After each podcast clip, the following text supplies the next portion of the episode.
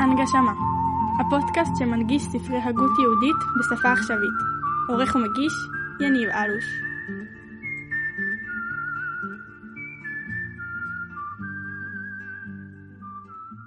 ברוכים השבים, חברים וחברות יקרים למיזם הנגשמה. אנחנו עדיין אוחזים בספר מסילת ישרים, ואנחנו בפרק החמישה עשר. העוסק במידת הענווה. אם uh, אתם פוגשים את הפודקאסט הזה בפעם הראשונה, מומלץ מאוד להתחיל את הפודקאסט מהפרקים הראשונים, מההקדמה והמבוא ומידת הזהירות ומידת הזריזות וכל המידות מהברייתא של רבי פנחס בן יאיר, על בסיסם כתב הרמח"ל רבי משה חיים לוצטו את ספר מסילת אה, ישרים. אנחנו במיזם פשוט לומדים מהספר עצמו. אני עבדכם הנאמן יניב אלוש, מקריא לכם מהספר, אתם החברותא שלי בדרך או איפה שאתם נמצאים, ואנחנו לומדים ביחד את ספר מסילת ישרים הקדוש המתאר את הלב ואת הנשמה. אה, זה מתאים לכאלה שמעוניינים לסיים ספר, לכן אני כן קורא ממש מילה במילה. אה, אני לא בטוח שזה מתאים לכולם, אבל אה, בהחלט בסוף המסע אפשר יהיה לומר שסיימנו יחד את ספר מסילת ישרים, וזה דבר ראוי וחשוב, לפחות בעיניי. אז אנחנו עושים, עוסקים בפרק כ"ב, במיעור מידת הענווה וחלקיה. אחרי שבשלושת הפרקים האחרונים התעסקנו בעיקר במידת החסידות, הרמח"ל העריך בה אה, מאוד. החלק הראשון של הספר עוסק אה, אה, לפי הרמח"ל באיך להיות, להיות צדיק, ובהמשך הרמח"ל מלמד אותנו את הפאזה הבאה, או את הדרגה, או את הקומה הנוספת של איך להיות חסיד. אז אחרי שעסקנו במידת החסידות, בואו נעסוק במידת הענווה, נלמד יחד ואז נבין את כל המכלול. אז אני בפרק כ"ב למי שעוקב אחריי בספר. הנה כבר דיברנו למעלה מגנות הגאווה, ומכללה נשמע שבח הענווה. אך אתה נבהר יותר בדרך עיקר, הענווה, ותתבהר הגאווה מאליה. כי אנחנו באמת דיברנו במידת הנקיות על הגנות של מידת הגאווה, והרמח"ל נגע בזה גם בשאר המידות, וכאן הרמח"ל ידבר על דרך החיוב, על הענווה עצמה. חוזר לשון הרמח"ל, הנה כלל הענווה הוא, היות האדם בלתי מחשיב עצמו משום טעם שיהיה, וזה הפך הגאווה ממש, והתולדות הנמשכות מזה תהיינה ההפכיות של תולדות הגאווה. וכשנדקדק נמצא, שתלויה במחשבה ובמעשה. כי בתחילה צריך שיהיה אדם ענב במחשבתו, ואחר כך יתנהג בדרכי הענבים. כי אם לא יהיה ענב בדעתו, וירצה להיות הענב במעשה, לא יהיה אלא מן הענבים המדומים והרעים שזכרנו למעלה, שהם מכלל הצבועים, אשר אין בעולם רע מהם, ונבהר עתה החלקים האלה. כלומר, האוכל כבר מחבר אותנו לעניין של הצביעות ולעניין של מידת הגאווה, ככל בן אדם שבלב שלו הוא, מסיק, הוא מחשיב את עצמו והוא חושב שהוא שווה משהו, ובהתנהגות שלו הוא מתנהג כאילו אה, אה, אה, עניו והכל אה, אה, בסדר אצלו. בואו נחזור לשון הרמח"ל. הענווה במחשבה היא, שיתבונן אדם ויתעמת אצלו אשר אין התהילה והכבוד ראויים לו, כל שכן היתנשא על שאר בני מינו. וזה מפני מה שחסר ממנו בהכרח, וגם מפני מה שכבר יש בידו. מפני מה שחסר ממנו פשוט הוא, כי אי אפשר לאדם באיזה מדרגה שיהיה מן השלמות, שלא יהיו בו חסרונות רבים, או מצד טיבו, או מצד משפחתו וקרוביו, או מצד מקרים שקרו לו, או מצד מעשיו, שהאדם אין צדיק בארץ אשר יעשה טוב ולא יחטא, אין כל אלה מומים באדם שאין מניחים לו מקום התנסות כלל, אפילו יהיה בעל מעלות רבות, כי כבר ענייני החסרונות האלה יספיקו להחשיכם. הנה החוכמה היא המביאה יותר את האדם לידי התנסות וגאווה, לפי שכבר היא מעלה שבאדם עצמו בחלק הנכבד שלו, דהיינו השכל. והנה, אין לך חכם שלא יטעה ושלא יצטרך ללמוד מדברי חבריו, ופעמים רבות אפילו מדברי תלמידיו. אם כן, איפה, איך יתנסה בחוכמתו? אמנם, מי שהוא בעל שכל ישר, אפילו אם זכה להיות חכם גדול ומופלג, באמת כשיסתכל ויתבונן יראה שאין מקום לגאווה והתנסות. כי הנה מי שהוא בעל שכל שיודע יותר מאחרים, אינו עושה אלא מה שבחוק טבעו לעשות, כעוף, שמגביה לעוף כפי שטבעו בכך. והשור מושך בכוחו, לפי שחוקו הוא. כן מי שהוא חכם, ולפי שטבעו מביאו לזה. ואילו אותו שעכשיו אינו חכם כמוהו, היה לו שכל טבעי כמוהו, היה מתחכם גם הוא כמוהו. אם כן, אין כאן להתנשא או להתגאות, אלא אם יש בו חוכמה רבה, הנה הוא מחויב ללמדה, לפי שצריך אליה, וכמאמר רבן יוחנן בן זכאי, אם למדת תורה הרבה, אל תחזיק טובה לעצמך, כי לכך נוצרת. אם עשיר ישמח בחלקו, ועליו הוא לעזור למי שאין לו. אם גיבור הוא, עליו לעזור לכושלים, ולהציל לעשוקים. אה, למה זה דומה? למשרתי הבית, שכל אחד ממונה על דבר מה, וראוי לו לעמוד במשמרתו לפי פקודתו, להשלים מלאכת הבית וצרכיה, ואין בכאן מקום לגאווה לפי האמת. טוב, אני חושב שהמשכתי וקראתי, לא עצרתי באמצע, אני חושב שהדברים של הרמח"ל נפלאים וברורים, שגם אם יש לך יכולות מדהימות, בסופו של דבר הבורא הוא זה שמעניק לך אותם, וזה איזשהו דיפולט שנולדת איתו. אתה לא שונה, אתה לא טוב יותר מבן אדם אחר שהחוכמה שלו היא פחות ממך. אתה פשוט נולדת עם היכולות האלה, כמו שנולדת גם עם חסרונות. וגם אם החסרונות לא נמצאים בך, הם בוודאי נמצאים סביבך, כמו שהרמח"ל אה, הסביר אה, בתחילת הקטע שקראנו. לכן, האדם תמיד צריך, בנקודת המחשבה שלו, לחשוב על הדברים ולהגיד, אני לא ראוי מצד עצמי. גם אם יש לי יכולות, זה יכולות שהבורא נתן לי. וגם אם אני חושב שאני שווה משהו, אני צריך להסתכל סביבי ולהבין שכבר מהסביבה שלי וכבר מהרקע שלי וגם מהמעשים שעשיתי בעבר, אה, יש לי עוד הרבה מה אה, לתקן. וזאת עבודה שהרמח"ל מדגיש בהתחלה שקודם כל אדם צריך לעשות בהתבוננות פנימית. הכל מתחיל בהתבוננות פנימית. דיברנו על זה כמה פעמים במהלך המסילה אה, של הרמח"ל לפי המידות השונות. אז בואו נחזור לשון הרמח"ל, והנה, זה העיון וההתבוננות הראוי לכל איש. אשר שכלו ישר ולא מתעקש. וכשיתברר זה אצלו, אז ייקרא עניו אמיתי, שבליבו ובקרבו הוא עניו. והוא כעניין דוד שאמר למיכל, והייתי שפל בעיניי. ואמרו זיכרונם לברכה, כמה גדולים נמוכי הרוח, שבזמן שבית המקדש קיים, אדם מקריב עולה, שכר עולה בידו, מנחה, שכר מנחה בידו. אבל מי שדעתו שפלה עליו, מעלה עליו הכתוב כאילו הקריב כל הקרבנות כולם, שנאמר, זבחי אלוהים רוח נשברה. הרי זה שבח של נמוכי הרוח, שהם ענבים בליבם ומחשבתם. וכן אמרו עוד לא מרובכם מכל העמים, אמר להם הקדוש ברוך הוא לישראל. בניי אני חושק בכם, שאפילו כשאני משפיע לכם גדולה, אתם ממעטים עצמכם לפניי. נתתי גדולה לאברהם, אמר ואנוכי עפר והעפר. נתתי גדולה למשה ואהרון, אמרו ואנחנו מה. נתתי גדולה לדוד, אמר ואנוכי תולד ולא איש. כל זה ממה שאין הלב הישר מניח עצמו להתפתות משום מעלה אשר יביאו. כאילו כל מעלה שתבוא, והוא עדיין שומר על עצמו, הוא לא, מתלה, הוא לא עף על עצמו, במילים שלנו היום. חוזר לשון הרמח"ל, ביודו באמת, שכבר לא מפני זה יוצא בידי שפלותו, מצד החסרונות האחרים, שאי אפשר שלא יהיו בו, כמו שאמרנו בתחילת המאמר. ועוד, שאפילו באותם המצוות עצמם שהשיג, לא הגיע ודאי לתכלית האחרון, ועוד אפילו לא יהיה בו חיסרון אחר. אלא היותו בשר ודם ילוד אישה, די לו זה ויותר, לפחיתות וגריעות. עד שלא יאות לו להתנשא כלל, כי הרי כל מעלה שהוא משיג אינו אלא חסד אל עליון שרוצה לחון אותו. עם היותו מצד טיבו וחומריותו שפל ונבזה עד מאוד. על כן אין לו אלא להודות למי שחננו, ולהיכנע תמיד יותר. הרי למה זה דומה? לעני ואביון שמקבל מתנה בחסד, שאי אפשר לו שלא יבוש, כי כל מה שירבה החסד שיקבל, כך ירבה הבושת שיבוש. כן הדבר הזה, בכל אדם שעיניו פקוחות לראות עצמו בהיותו משיג מעלות טובות מאת השם יתברך, וכעניין שאמר דוד המלך, מאשיב להשם כל תגמולו היא עליי. וכבר ראינו חסידים גדולים שנענשו על שהחזיקו טובה לעצמם עם, עם כל חסידותם. נחמיה בן חכליה, האמור זכרונם לברכה, מפני מה לא נקרא ספרו על שמו, מפני שהחזיק טובה לעצמו. וכן חזקיה אמר, הנה לשלום מר לי מר, לפי שענהו הקדוש ברוך הוא, וגנותי על העיר הזאת להושיע למעני ולמען דוד עבדי, וכמאמר זכרונם לברכה. כל התולה בזכות עצמו, תולים לו בזכות אחרים. הרי לך שאין לאדם אפילו להחזיק טובה לעצמו על טובותיו, וכל שכן שלא יתנשא ויקבע בהם. מדהים, מדהים, מדהים כמה הרמח"ל בעצם אומר לנו, תקשיבו חברים, תסתכלו אל תוך עצמכם. תסתכלו כמה טעויות עשיתם בעבר.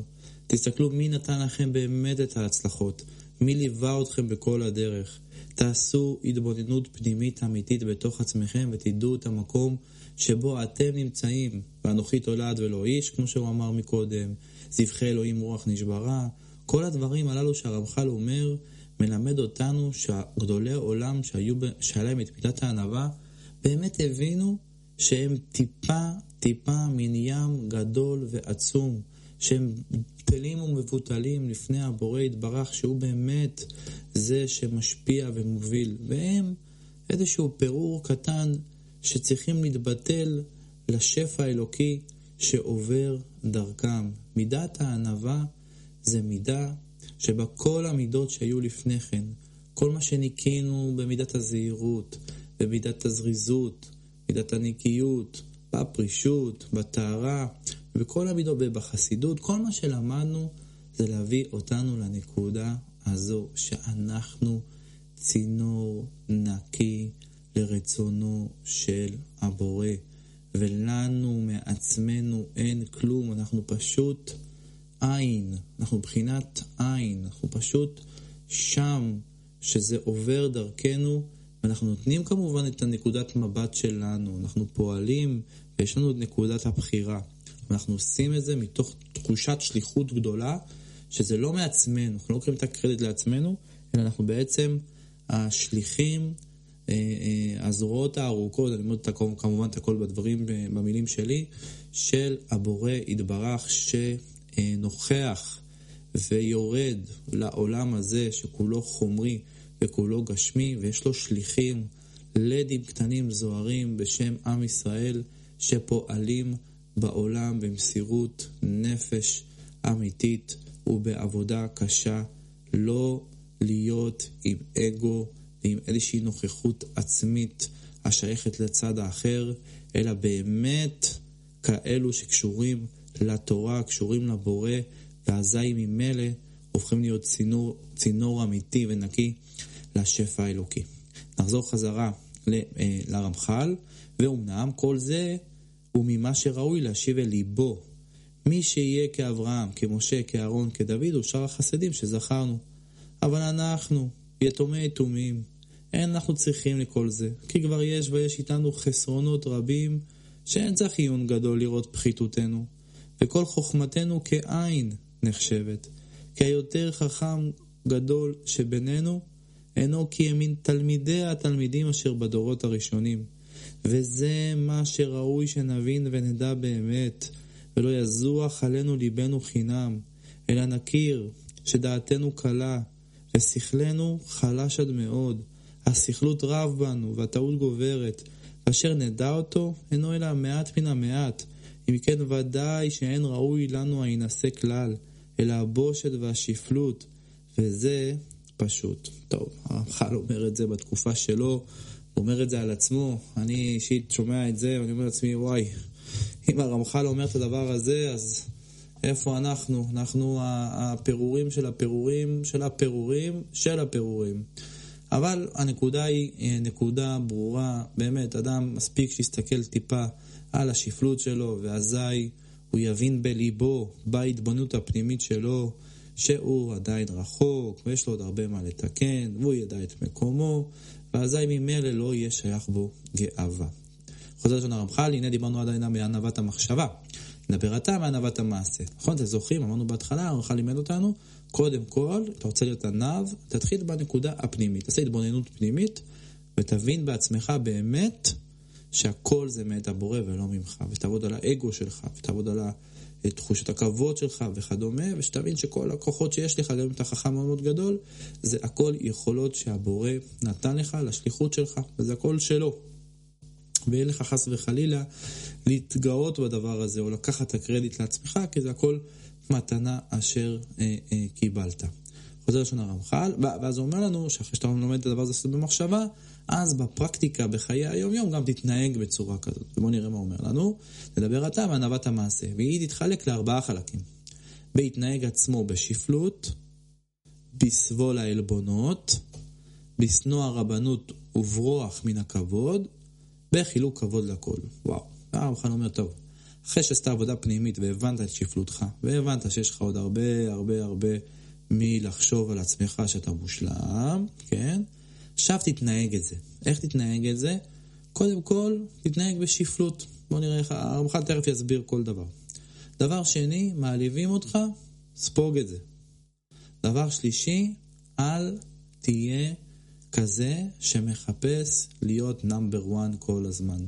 תברח מן הכבוד. תשנא את הרבנות. אין הכוונה פה שבמקום שאין איש ישתדל להיות איש, כן? אם צריך מישהו שיוביל בתחומים מסוימים שהוא טוב בהם, בוודאי שהוא צריך לקחת. אבל יש אנשים שהשאיפה שלהם זה להיות כל הזמן היו"רים של כל דבר, וזה לא טוב. אלא צריך לשנוא את הרבנות, זה כבר מכניס אותך להרבה פינות הרבנות. וכמובן, במקום שצריך, אז צריך.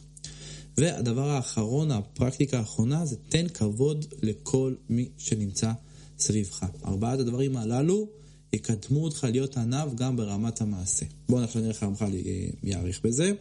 האחד, הוא מתנהג בשפלות, וזה ראוי שיהיה בדיבורו, בהליכתו, בשבטו ובכל תנועותיו. בדיבורו, אמרו זכרונה לברכה, לעולם יהיה דיבורו של אדם בנחת עם הבריות, ומקרא מלא הוא, דברי חכמים בנחת נשמעים, צריך שיהיו דבריו דברי כבוד ולא דברי ביזיון, וכן הוא אומר בז לרעהו חסר לב, ואומר בבוא רשע בא גם בוז. בסדר? זה לגבי הדיבור. דיבור בנחת, בנועם, לא לצעוק, לא להרים את הקול, לא לזלזל אה, בחבר שלך. זה אה, אה, דבר פשוט ברמה הפרקטית. בהליכתו, אמרו, זיכרונם לברכה, שלחו מטעם איזהו בן העולם הבא.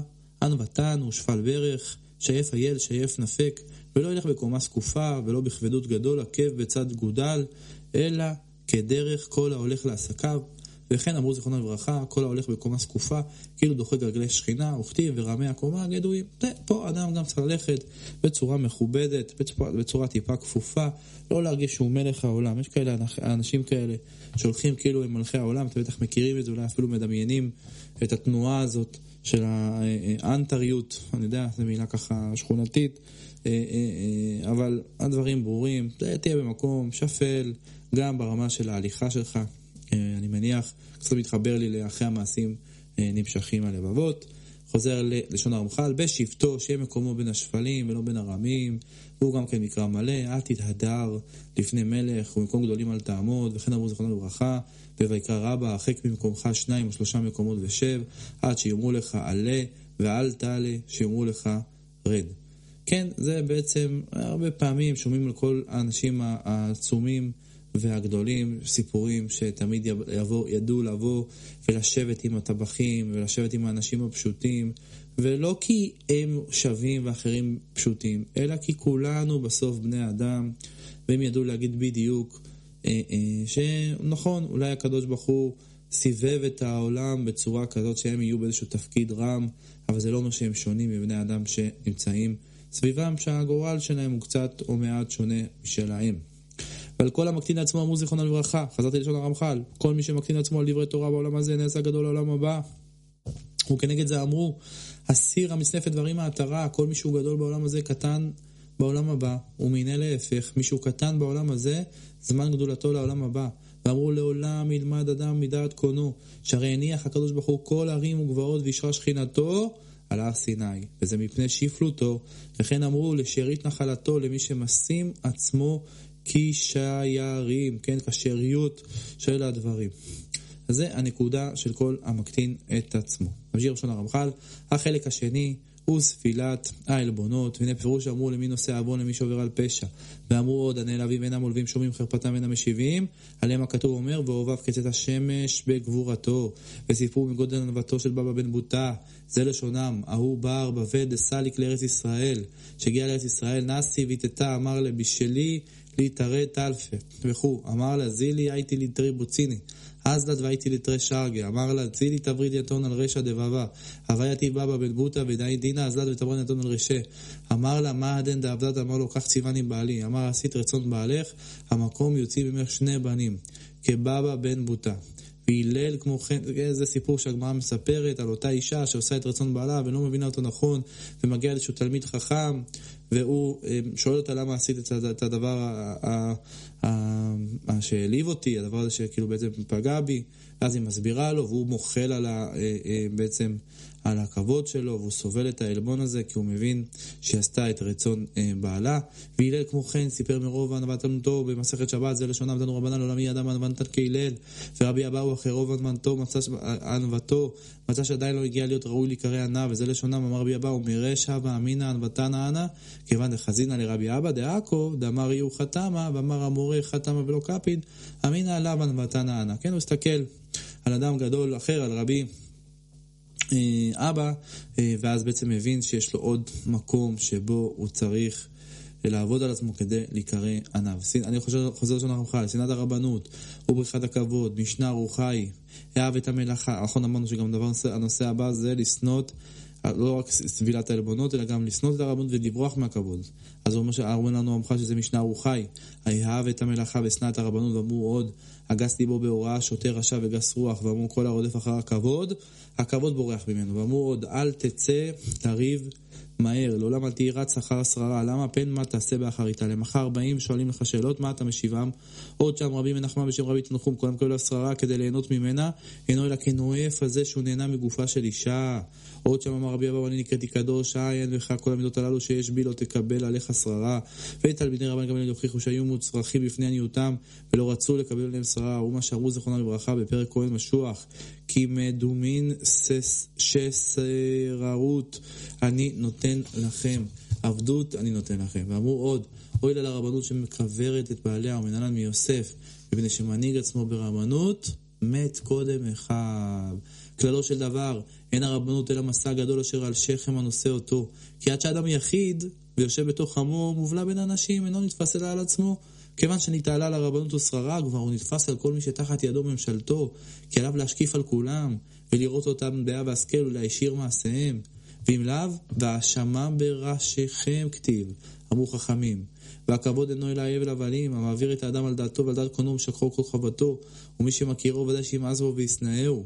והתהילות אשר ילו בני אדם יהיו עליו לטורח, כי בראותו אותם מגדילים הילוליהם, על אשר אינו באמת, אינו אלא מתבושש ומתענח, על שלא די לו שראתו שחסרות ממנו המעלות ההם, אלא שיעמיסו עליו תהילות שקר למען יכלם יותר. מדהים, מדהים הרמח"ל.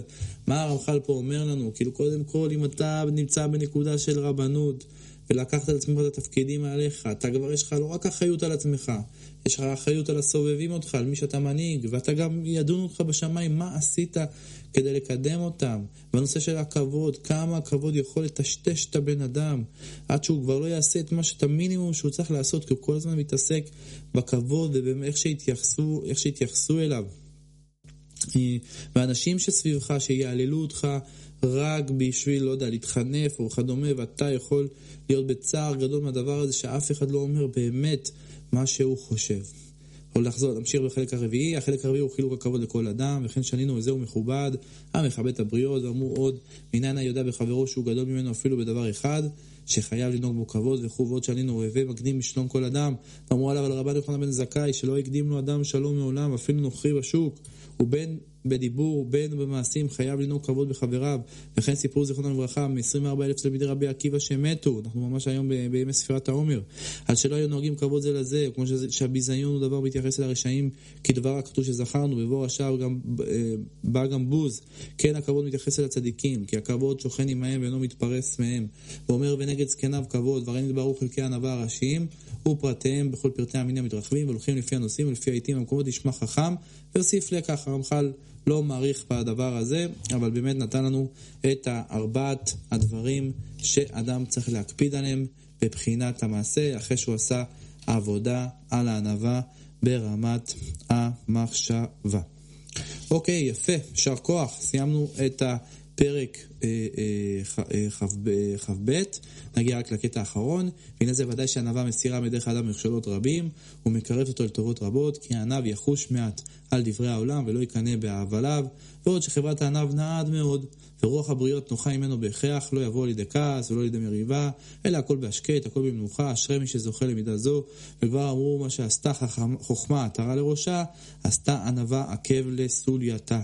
כי כל החוכמה כולה לא יערכנה, וזה ברור. באמת, שאתה יושב ליד אנשים שהם ענבים, נעים לשבת לידם, ובנחת, ואתה לא בלחץ, והם לא כועסים, לא מרימים את הכל. בואו נמשיך לפרק כ"ג, ונסיים את אה, מידת הענווה. הפרק עוסק באיך קונים את מידת הענווה.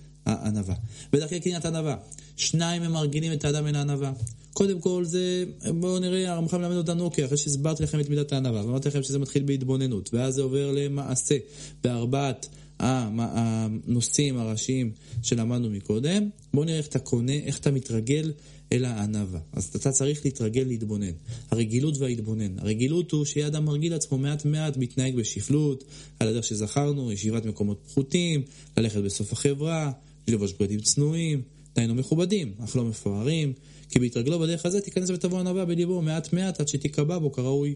כי הנה בהיות טבע לב אדם לזוח ולהתנשא, קשה עליו לעקור הנטייה הטבעית הזו מעיקרה, אלא אם כן בפעולות החיצונות המסורות בידו.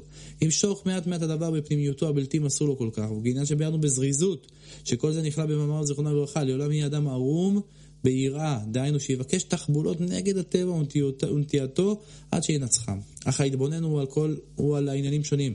האחד הוא מזכיר בדברי עקביה בן מעללל, דע מאין באת מתאפס רוחך, ולאן אתה הולך למקום עפר רימה ותולעה, ולפני מי אתה עתיד דין וחשבון, לפני מלך מלכי המלכים הקדוש ברוך הוא, כי באמת כל אלה הם נגדים לגאווה ועוזרים אל הענווה, כי ביות האדם מסתכל בפחיתות חומו והכירות התחלתו, אין לו טעם להינשא כלל אלא לבוש, לבוש ולהיכלם. על מה זה דומה? לרועה חזירים שהגיע למלוך, עת אשר יזכור ימיו הראשונים, אי אפשר לו שיתגאה, כן? תמיד אתה זוכר מאיפה באת. וכשיחשוב כמו כן שבסוף כל גדלותיו ישוב לעפר, מאכל לתולעת, כל שכן שיקנא גאונו וישכח שעון גאוותו. כי מה טובו ומה גדולתו, ואחריתו בושה וכלימה. וכשיחשוב עוד וידמה בליבו רגע ייכנסו לפני הבית דין הגדול של צבא מעלה, כן, שעולה לשמיים, בית שיראה עצמו לפני מלך מלכי המלכים הקדוש ברוך הוא, הקדוש והטהור, בתכלית הקדושה והטהרה, בסוד קדושים משרתי גבורה, גיבורי כוח עושי הדברו, אשר אין בהם כל מום. והוא עומד לפניהם, גרוע, פחות ונבזה מצד עצמו, טמא ומגועל מצד מעשיו, הירים ראש, איה לו פתחון, פתחון פה, וכי ישאלו, איה איפה פיך, איה גאונך וכבודך אשר נשאת בעולמך, מה יענה ומה ישיב על תוכחתו? הנה ודאי שאילו רגע אחד יצייר אדם בשכלו האמת הזה, ציור אמיתי וחזק, פרוח תפרח ממנו כל הגאווה, ולא תשוב אל לעבוד. וואי וואי. איזה עצה מדהימה של הרמח"ל. באמת, בן אדם רק חושב, כמובן אנחנו עוסקים באנשים שמאמינים בממד הרוחני שקיים מעבר לממד החומרי של העולם הזה. אנחנו מאמינים שאחרי זה, שאחרי שהנשמה נפטרת, היא מגיעה לממד הרוחני. כשתגיע לממד הרוחני, אתה מה? אתה תוכל להתגאות, אתה תוכל להגיד את הדברים שעשית. זה מה שהרמח"ל הסביר לנו בקטע הזה. תחזור של הרמח"ל. השני הוא עניין תולדות הזמן ורוב תמורותיהם, כי העשיר קל להיות עני, והמשה לעבד והמכובד לנקלה. ואם הוא יכול כל כך על נקלה לשוב אל המצב הנבזה בעיניו היום, איך יגבה ליבו על מצבו אשר אינו בטוח עליו? כמה מיני חולאים יכולים לבוא חס וחלילה לאדם, שיצטרך במור פיו להתחנן למי שיעזור אותו ויסייעו. כן, העשירים, ביל, לא ביל גטס, אה, סטיב ג'ובס, המייסד של אפל, היה מיליארדר, מה זה עזר לו? מה זה עזר לו? קיבל מחלה קשה, וזהו, הלך. כמה מיני חולים יכולים לך חלילה לבוא לאדם שיצטרך במור פיו להתחנן למי שיעזור אותו ויסייעו ויקל לו במקצת? כמה צרות חס וחלילה יכולים לבוא עליו שיצטרך ללכת לשחרר פני רבים אשר מאס לפעמים לתת להם שלום למען יהיו לו למושיעים, כן? בן אדם יכול, לא יודע מה, להתייחס לא יפה לשכן הרופא שלו שהוא בכיר ובסוף יעשה סיבוב ויצטרך אותו, וצריך להשפיל את עצמו חזרה כדי שיקבל ממנו עזרה. ודברים אלה אנחנו רואים בינינו דבר יום ביומו, כדאי הם להסיר מלב אדם גאוותו ולהלבישו ענווה ושפלות. תזכור מי אתה, תזכור שהכל, הכל לא מובן מאליו, ושהמציאות יכולה להשתנות ברגע. חוזר לשון הרמח"ל, וכשיתבונן לאדם על חובתו לפניו יתברך, וכמה היא נעזבת ממנו, וכמה הוא מתרשל בה, ודאי שיבוש ולא יתגאה, ייכלם ולא, ולא ירום ליבו. וכן הוא אומר, שמוע שמעתי אפרים מתנודד, כי אחרי שובי ניחמתי, ואחרי היוודי ספגתי על ירך בושתי וגם נכלמתי. ועל הכל להתבונן תמיד להכיר חולשות, חולשת השכל האנושי, ורוב טעיותיו וכזביו, שיותר קרוב לו תמיד הטעות מהידיעה האמיתית. על כן יירא תמיד מהסכנה הזו, ויבקש ללמוד תמיד מכל אדם, ולשמוע תמיד לעצה הפן ייכשל, והוא מה שאמרו זכרונו לברכה, איזהו חכם, הלומד מכל אדם. וכן הוא אומר, ושומע לעצה חכם. בסדר? זה הדרכים בעצם לקנות את מידת הענווה. אך מפסידי המידה הזו הוא הריבוי והשביעה בטובות העולם הזה, הוא קניין הכתוב שבפירוש שאומר פן תאכל ושבעת ורם לבבך.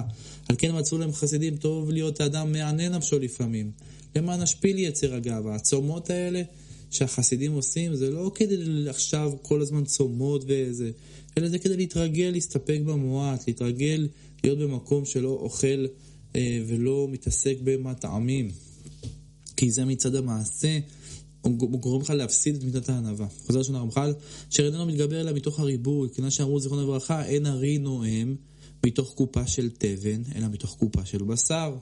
והנה בראש כל המפסידים הוא הסכלות ומיעוט הידיעה האמיתית, כי תראה שאין הגאווה מצויה יותר אלא במי ששכל יותר. ורבותינו זיכרונו לברכה אמרו, סימן לגסות הרוח, עניות של תורה, וכן אמרו, סימן דלא ידע כלום, שיבוכה. ואמרו עוד איסתרא בלגינא, קיש קיש קריא, מטבע בתוך מטבע, בתוך חבית ריקה עושה, עושה הרבה רעש. עוד אמרו, שעלול להילנס רק, מפני מה קולכם נשמע? אמרו, הלוואי קולנו נשמע וניזכר. וראינו שמשה שהוא מובחר שבכל האדם היה עניו מכל האדם. עוד ממפסידי כן, בעצם אנחנו אומרים לנו, כאילו צריך להתבונן בדברים, צריך ללמוד, כדי להיות כמה שיותר מבין בתורה ומבין בתדר איך להיות מחובר לבורא, ואזי ממילא גם לא תהיה אה, גאוותן, כי אתה תבין בדיוק את המקום שלך אל מול הדבר העצום הזה שנקרא בורא עולם. עוד ממפסידי הענווה הוא ההתחברות הוא ההשתמש בבני אדם חנפים, אשר לגנוב ליבו בחנופתם למען ייטב להם, ישבחו וירוממו ויגדיל מה שיש בו מן המעלות עד התכלית, ויוסיף עליו מה שאין בו בכלל. לפעמים יש סביבך אנשים, בעיקר בתפקידים בכירים, שהם מספרים לך כל מיני סיפורים והם מתחלפים אליך, ואתה יכול פשוט מהנקודה הזו להפסיד את מידת הענווה. ולפעמים, חזרתי לשון הרמח"ל, ולפעמים שמה שיש בו הוא ההפך ממה שהם משבחים אותו. והנה סוף סוף דעת האדם קלה וטבעו חלש ומתפתה בנקל, כל שכן מדבר של אבוד נוטה בטבע, על כן בשומות הדברים האלה יוצאים מפי שהוא מאמין, מפי שהוא מאמין לו, כן, מאיזשהו עוזר או מישהו אדם קרוב לו, על כן בשומו ייכנסו בו כארץ ויחס, ונמצא נופל ברשת הגאווה ונשבר, זה פשוט, זה גורם לו להתגאות. הרי לנו יואש, אשר היטיב לעשות כל ימי הוראו, כל ימי הוראו יהוידע הכהן רבו, ואחרי מות יהוידע באו עבדיו והתחילו להחניף לו ולהגדיל הילוליו עד שדיימו לאלוה. אז שמע המלך אליהם, ותראה איזה דבר בבירור, כי רוב השרים המלכים, או כל בעלי היכולות יהיו באיזה מדרגה שיהיו, נכשלים הם ונשחטים בעבור חנופת משרתיהם. על כן מי שעיניו בראשו, יותר ייזהר ויען במעשה מי שרוצה לקנותו לו חבר או ליועץ או לפקיד על ביתו, יותר ממה שייזהר ויען במאכל או במשטר. כן, כמה זה חשוב שאנשים סביבך יהיו חברים אמיתיים, ובאמת ישפיעו עליך לטובה, ולא יתחנפו אליך. כי המאכל והמשתה יוכל, יוכל להזיק לגופו בלבד, אבל, והחברים או הפקידים יוכלו להשחית נפשו ומאודו וכל כבודו. ודוד מחלב שם אומר, הולך בדרך תמים הוא ישרתני, לא ישב בקרב ביתי עושה רמייה. ואין טוב לאדם אלא שיבקש לו חברים תמימים, שיאירו עיניו במה שהוא עיוור בו, ויוכיחו באהבתם. כן, חבר טוב זה חבר שאומר לך באמת מה אתה צריך לשפר. ונמצאו מצילים אותו מכל רע, כי מה שאין אדם יכול לראות, לפי שאינו רואה חובה לעצמו, כן, יש לנו נטייה, אין לנו נטייה לראות חובה לעצמנו. הם יראו ויבינו ויזהירו, ונשמר, ועל זה נאמר, ותשועה ברוב יועץ. מדהים, מדהים, מדהים, מדהים. אז עד כאן בעצם מידת הענווה.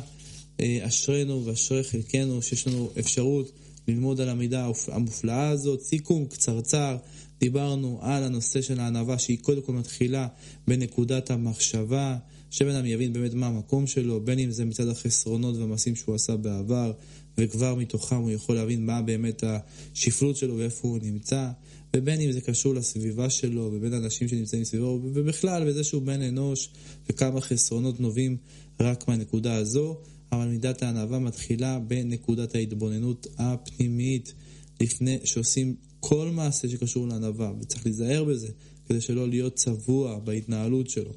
וזה, אחרי שעושים את ההתבוננות, הרמח"ל לימד אותנו שאדם צריך גם לפעול את הנקודה הזאת במעשה. הוא נתן לנו ארבעה חלקים. אחד, צריך להתנהג בשפלות ולסבול עלבונות, שתיים, לסבול עלבונות, לשנוא רבנות ולברוח מן הכבוד, ובפועל גם לחלק כבוד לכל. סיימנו בנושא מפסידי הענווה, וזה גם מתחיל קודם כל וראשית כל, זה היכולת של, אה, לא, כאילו, לפני מפסידי הענווה, דיברנו על קניית הענווה, וזה הרגילות להתבונן ולהבין באמת אה, אה, באיזה מקום אמיתי הוא נמצא, ולשבת ליד אנשים, ליד כל אדם, ולא לחשוב על עצמך שאתה, אה, לא יודע מה, יותר מאנשים אחרים, ותזכור באמת כמה אתה... כמה יש לך חובות לעשות ואתה רחוק מהם, ודיברנו על המפסידים, שהמפסידים זה הסכלות ומיעוט הידיעה, הידיעה וגם ההתחברות לבני אדם שהם חנפנים, שיכולים ממש לשבש לך את התדר. עד כאן מידת הענווה. חברים, תודה רבה שלמדנו ביחד את החברותה הזו. אנחנו ממש קרובים לסיום הספר, ואני מוכרח לומר שאנחנו גם קרובים להילולת הרמח"ל. יכול להיות מאוד שהפודקאסטים, סדרת הפודקאסטים האלו תסתיים בדיוק ביום ההילולה של הרמח"ל, ואזי נזכה לעשות סיום אמיתי לעילוי נשמת הצדיק הגדול והעצום הזה, רבי משה חיים לוצטו. תודה רבה לכם שהייתם איתי, וניפגש בפודקאסט הבא, אשר יעסוק במידת היראת חטא המעניינת והכמעט אחרונה. אה, אז אה, ניפגש בשם השם, נעשה ונצליח.